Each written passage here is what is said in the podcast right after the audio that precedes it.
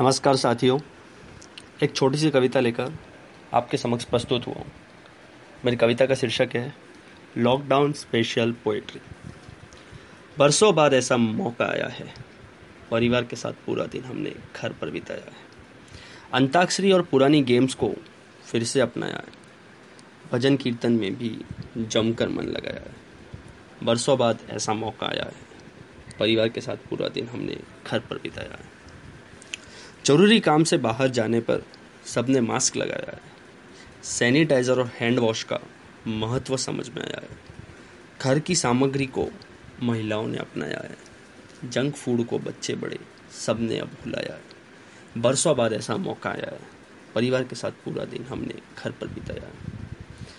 TV, mobile से ज़्यादा सच्चा मनोरंजन पाया है।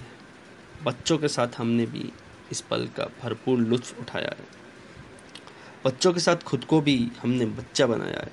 उन्हें भी हमारे साथ बड़ा मज़ा आया है। बरसों बाद ऐसा मौका आया है। परिवार के साथ पूरा दिन घर पर बिताया। 22 मार्च पाँच बजे सबने थाली, ताली और ढोल बजाया है। मोदी जी का हमने पूरा समर्थन पाया है।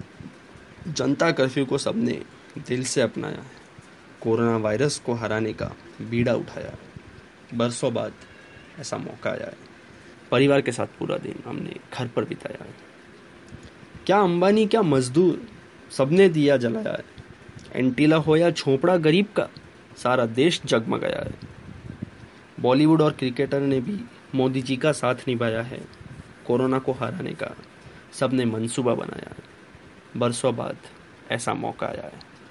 परिवार के साथ पूरा दिन हमने घर पर बिताया है। परिवार के साथ पूरा दिन हमने घर पर बिताया है।